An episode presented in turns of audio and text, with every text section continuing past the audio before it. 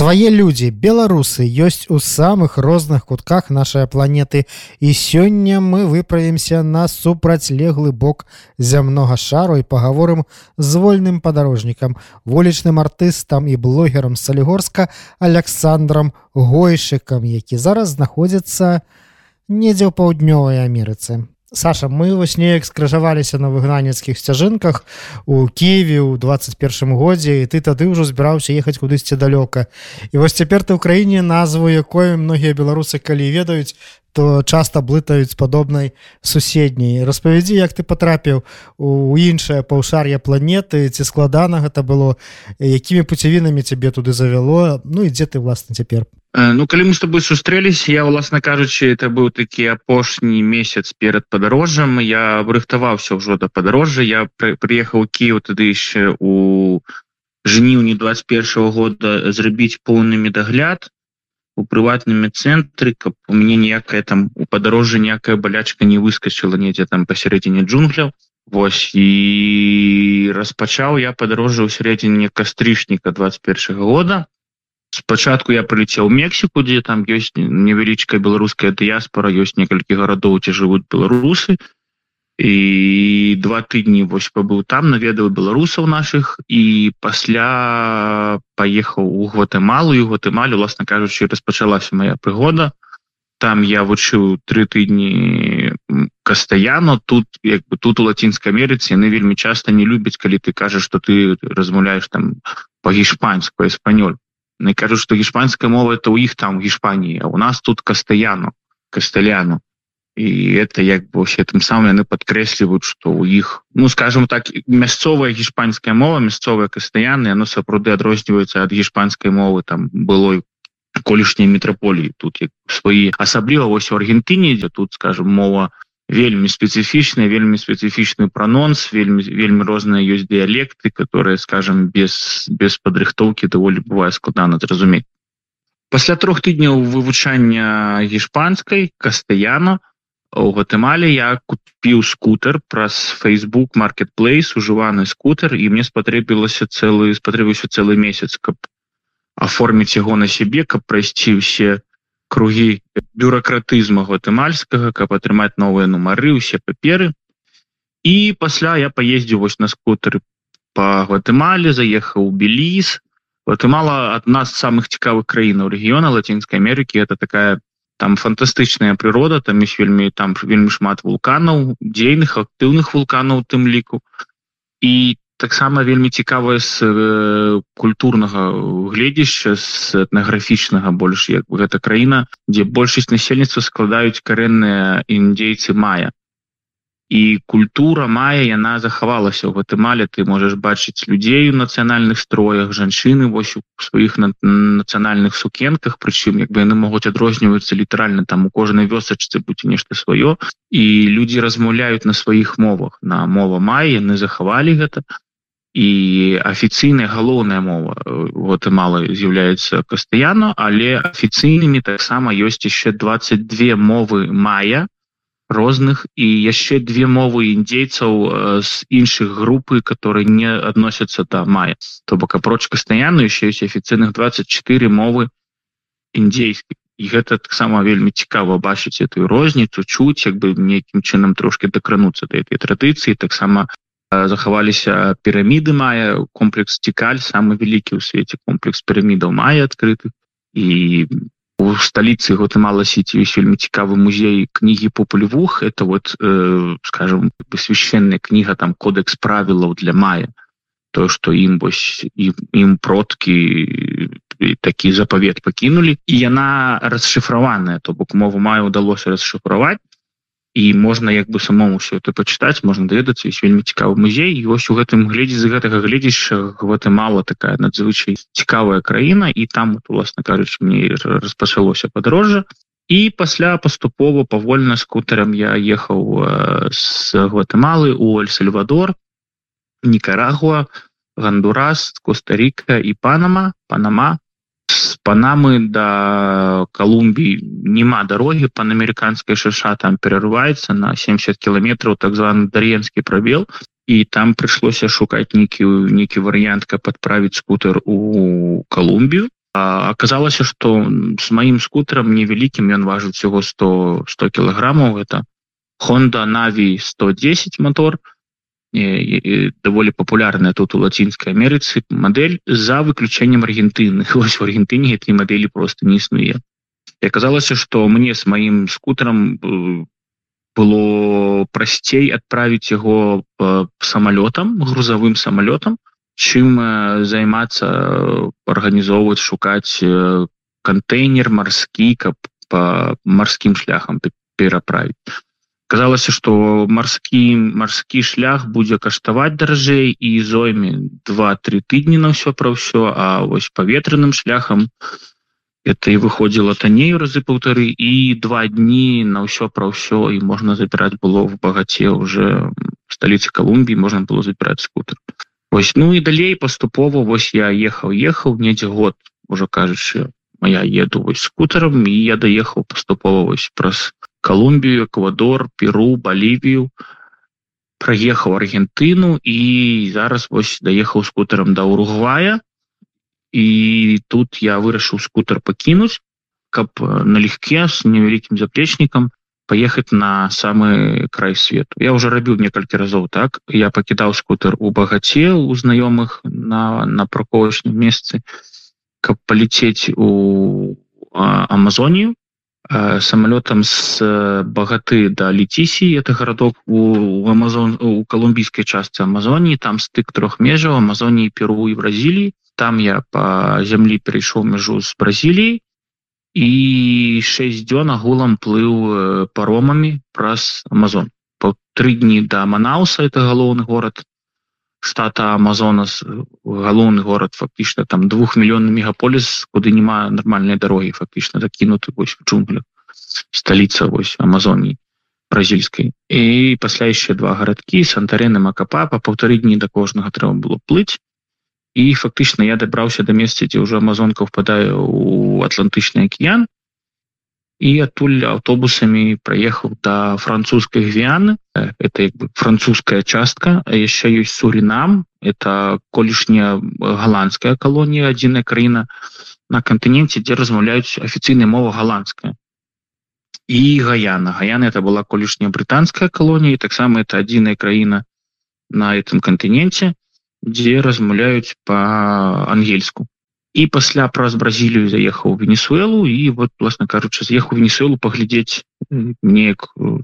журналісту як блогеру было цікава побачыць якая нас чакае вельмі кепская будучыня пры самых кепскіх раскладах і ну, скажем так не не хацелася б такой будучыні с абсалютна паліцейскім сваволем с паліцейскімі под кожным кустом паліцейскімі якія рабуюць уласны народ. У людзей дома часто няма электрычнасці няма электрычнасці значит не мае воды все такія праблемы все дорага і скажем мне не вельмі цікава не вельмі мне так не вельмі мне спадабалася такая будучыня для нашай краіны пасля я павярнуся ў багату і вось ехаў ехаў скутерам даехаў да лімы да сталіцы перу пакінуў там таксама скутер у, у хлопца перуанца які вучыўся ў нашым наргасе вучыўся разам з маімі сальгорскімі сябрамі. Пасля сканчэння універсітэту ён доўга не мог знайсці працу ў беларусі вырашыў вярнуцца дадому і адкрыў сваю невялічкую мясную краму. Прыгарадзе ліма і там я яго пакінуў скутер і паляцеў гватэмалу на на канікул на месяц. І тое ж самае у у Аргентыну калі я заехаў мяне паламаўся скутер там была праблема с рамнём перадачы А як я уже сказал ты скутер ён не існуе Аргентыне таму было немагчыма его пачыніць і таксама там набліжаліся святы навагоднія каляды все тут есть там еще перед этим Аргентына перамагла у чэмпіянаце свету тут былі народныя гулянні так что все это у можна было завіснуць вельмі надоўга і таму я вырашыў что таксама я съезжу слетаю гватэмалу правяду час каханай з сябрамі і заодно куплю вось неабходныя запчасткі і вернуся і працягну падарож ну, і вось я павярнуся у студзені і з пачатку лютага вось бы я заехаў проехаў праз праз Аргентыну доехаў до буэнас-ареса до сталіцы і далей паромам самы зручны шлях уругва это паром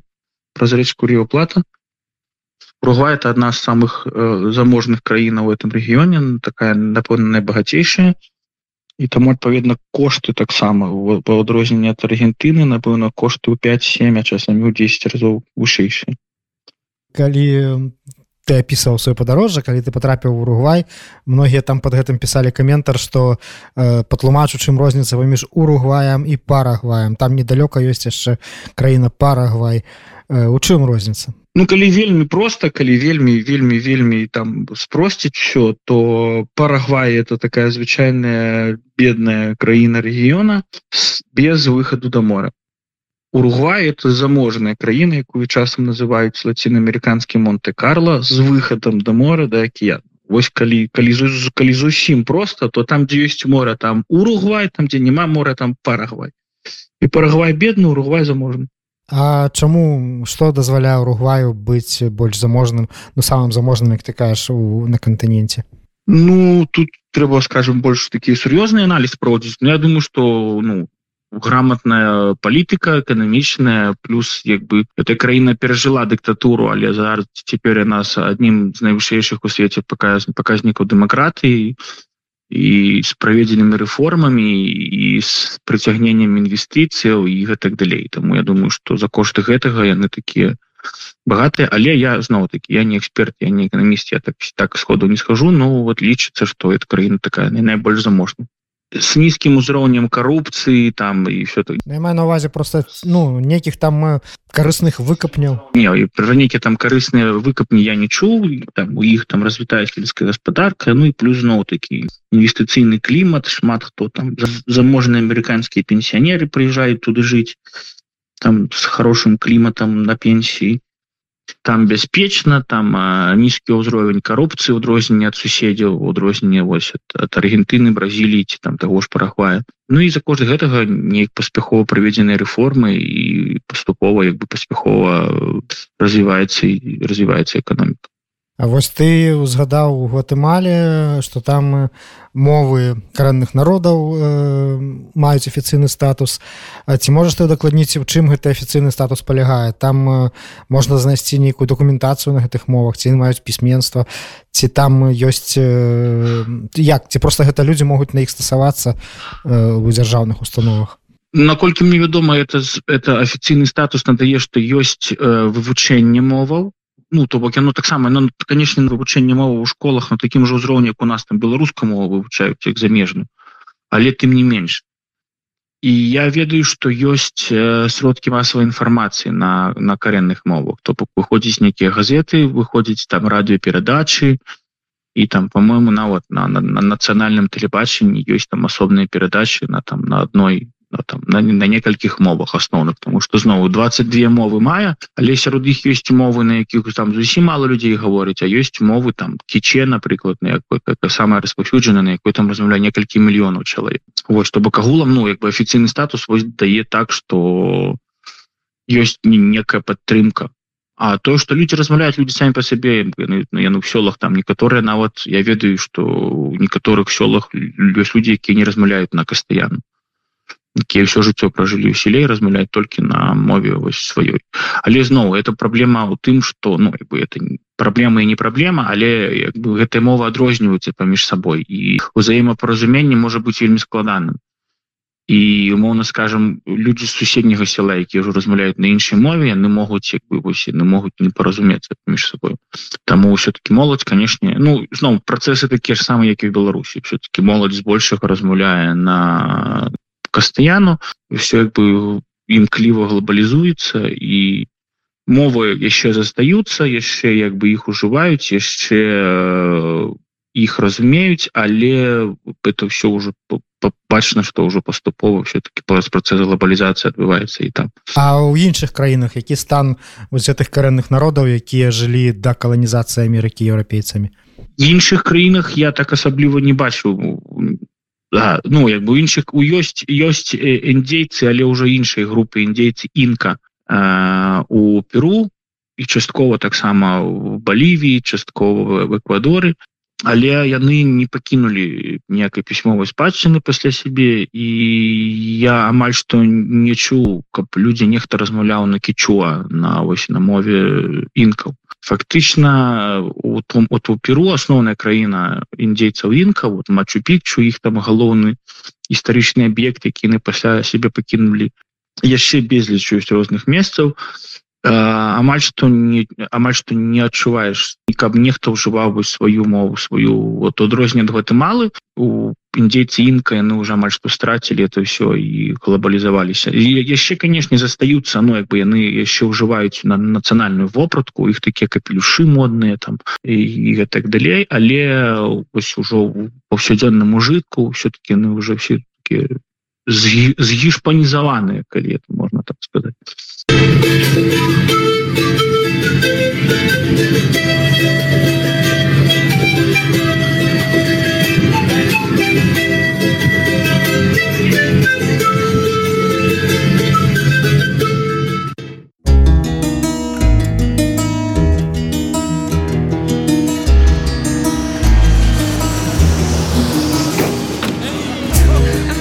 свае людзі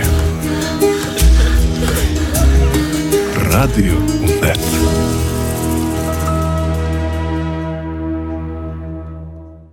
А мы працягваем размову з нашым чалавекам у паўднёвай Амерыцы падарожнікам з Салігорска Александром Гойшыкам. Ці сустракаў ты акрамя Мексікі, куды ты спачатку патрапіў, дзе жывуць беларусы на гэтых сваіх пуцявінах лаціна і паўднёва-амерыканскіх яшчэ дзе-нибудь беларусаў ці хаця б нейкія згадкі пра Беларусь. веду, што ёсць беларуска у Гватэмале, якая кіруе дабрачынным шпіталём для у там у адоленай правінцыі для зноў такі вось для для індзейцаў мае для для карен для для у вёсачцы дзе жывуць большага вось уласна кажучы індзейцы мае мы першапачаткова дамаўляліся сустрэцца але там нешта нешта не атрымалася. Пасля гэтага я сустрэў у панамі я сустрэў калі плаваў на выспы э, дельтора іслас дельтора э, на пароме калі я вяртаўся я пазнаёміўся с механікам парома матарыстам по-моему правильно называется юрам. Ён с літвы сам і ён там вот по контракце уже некалькі гадоў працуе на этом пароме тому что паром паром быў спісаны с некалі с літвы его набылі в, э, в панаму ось стары савецкі паром плавае там с нашай камандай і ось там ён жыве з, з хлопцамі з Росіі ён сам с літвы там еще есть украінцы ён не рассказываў что в панама сіці ёсць сям'я беларусаў я подозрю что там багата павінна быць беларусаў але зноў нейк у нас там не, не, не атрымалася з імі сустрэцца беларусаў асабіста я сустракаў у эквадоры э, наш хлопец э, які вось займаецца як бы это правильно сказать ось. Нешта звязаны з кінематографом ён здымае рэпартажы нейкія там дакументальныя фільмы і так далей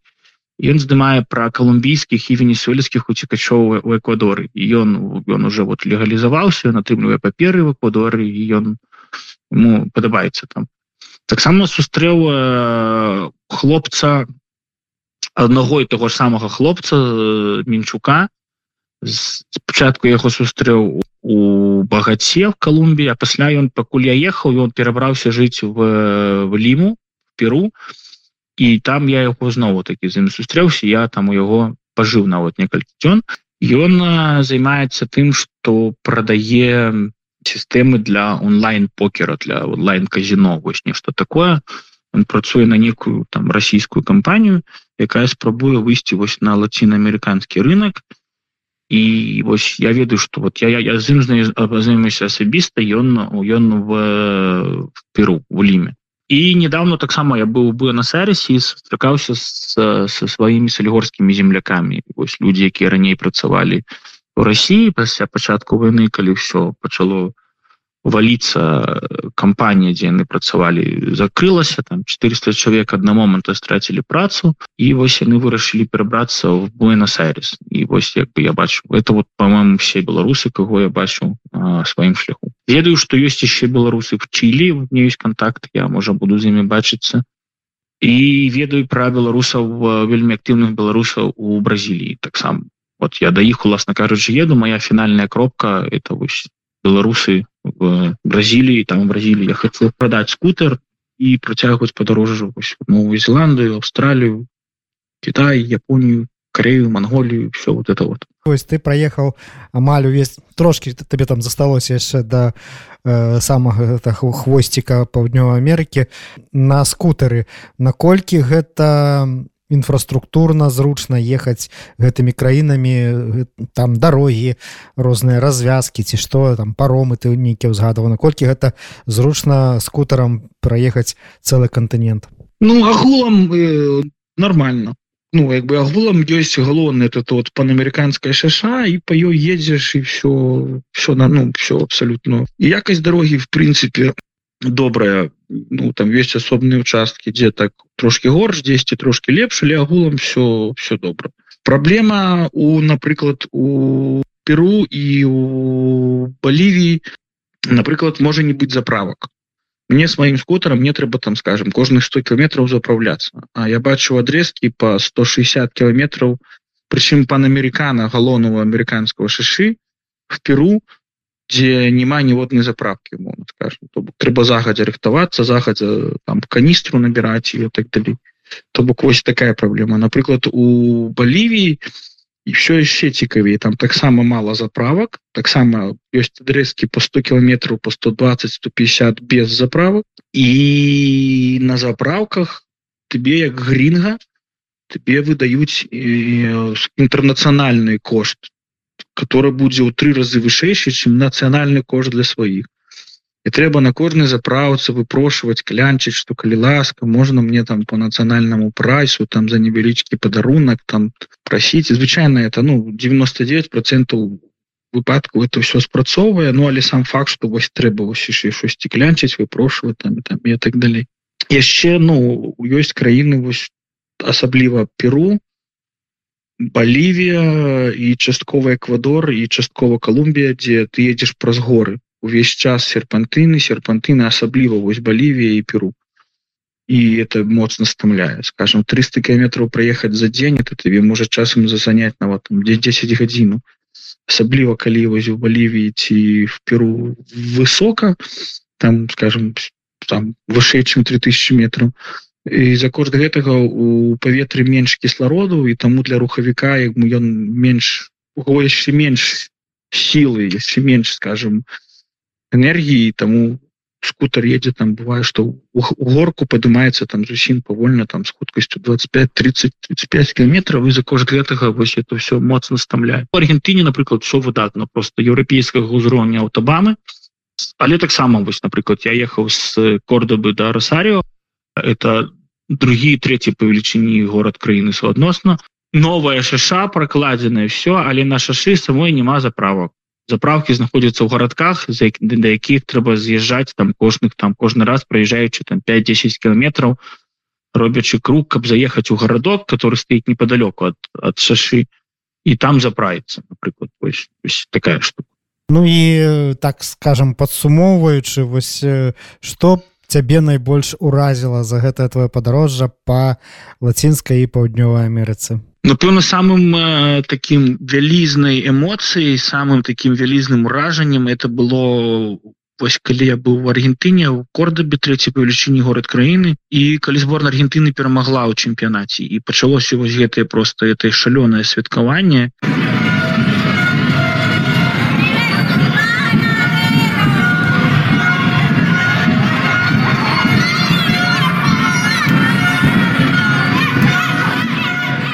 это конечно нечто невероятное. Это не не не описать словами это это просто шаленые эмоции просто вот, шаленое уражение это просто напэўна самые такие самые самые яркие уражанні такой вось, вось гэтага падарожжа это так. А гулам да ведаць вельмі шмат розных уражанняў. І напрыклад вось той же цікаль у гатымале вялікія піраміды мая ці там мачу пікчу это вот храм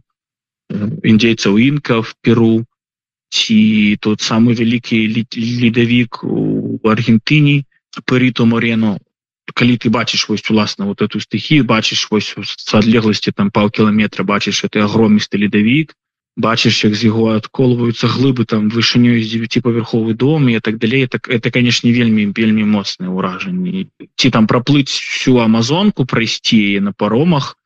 там три дні плывучы там до адного города спасць у гамаках там як все мясцовыя так далей это таксама вельмі моцныя ўражанні ці там у венесуэле бачыць это портреты этого чавеса ці там балівара на кожным кроку і это таксама там моцна ўражвае все. Таких таких эмоцыяў што вау іх вельмі шмат. Но самое напэўна самое самое такое яркое ўражанне это вось святкаванне пасля перамогі зборной Аргентыны Александр дзякуй табе за цікавы расповед а нашим слухачам. Я нагадаю што мы размаўлялі з блогерам і падарожнікам з салігорска які зараз падарожнічае паўднёвай Амерыкай Александром гойшыкам.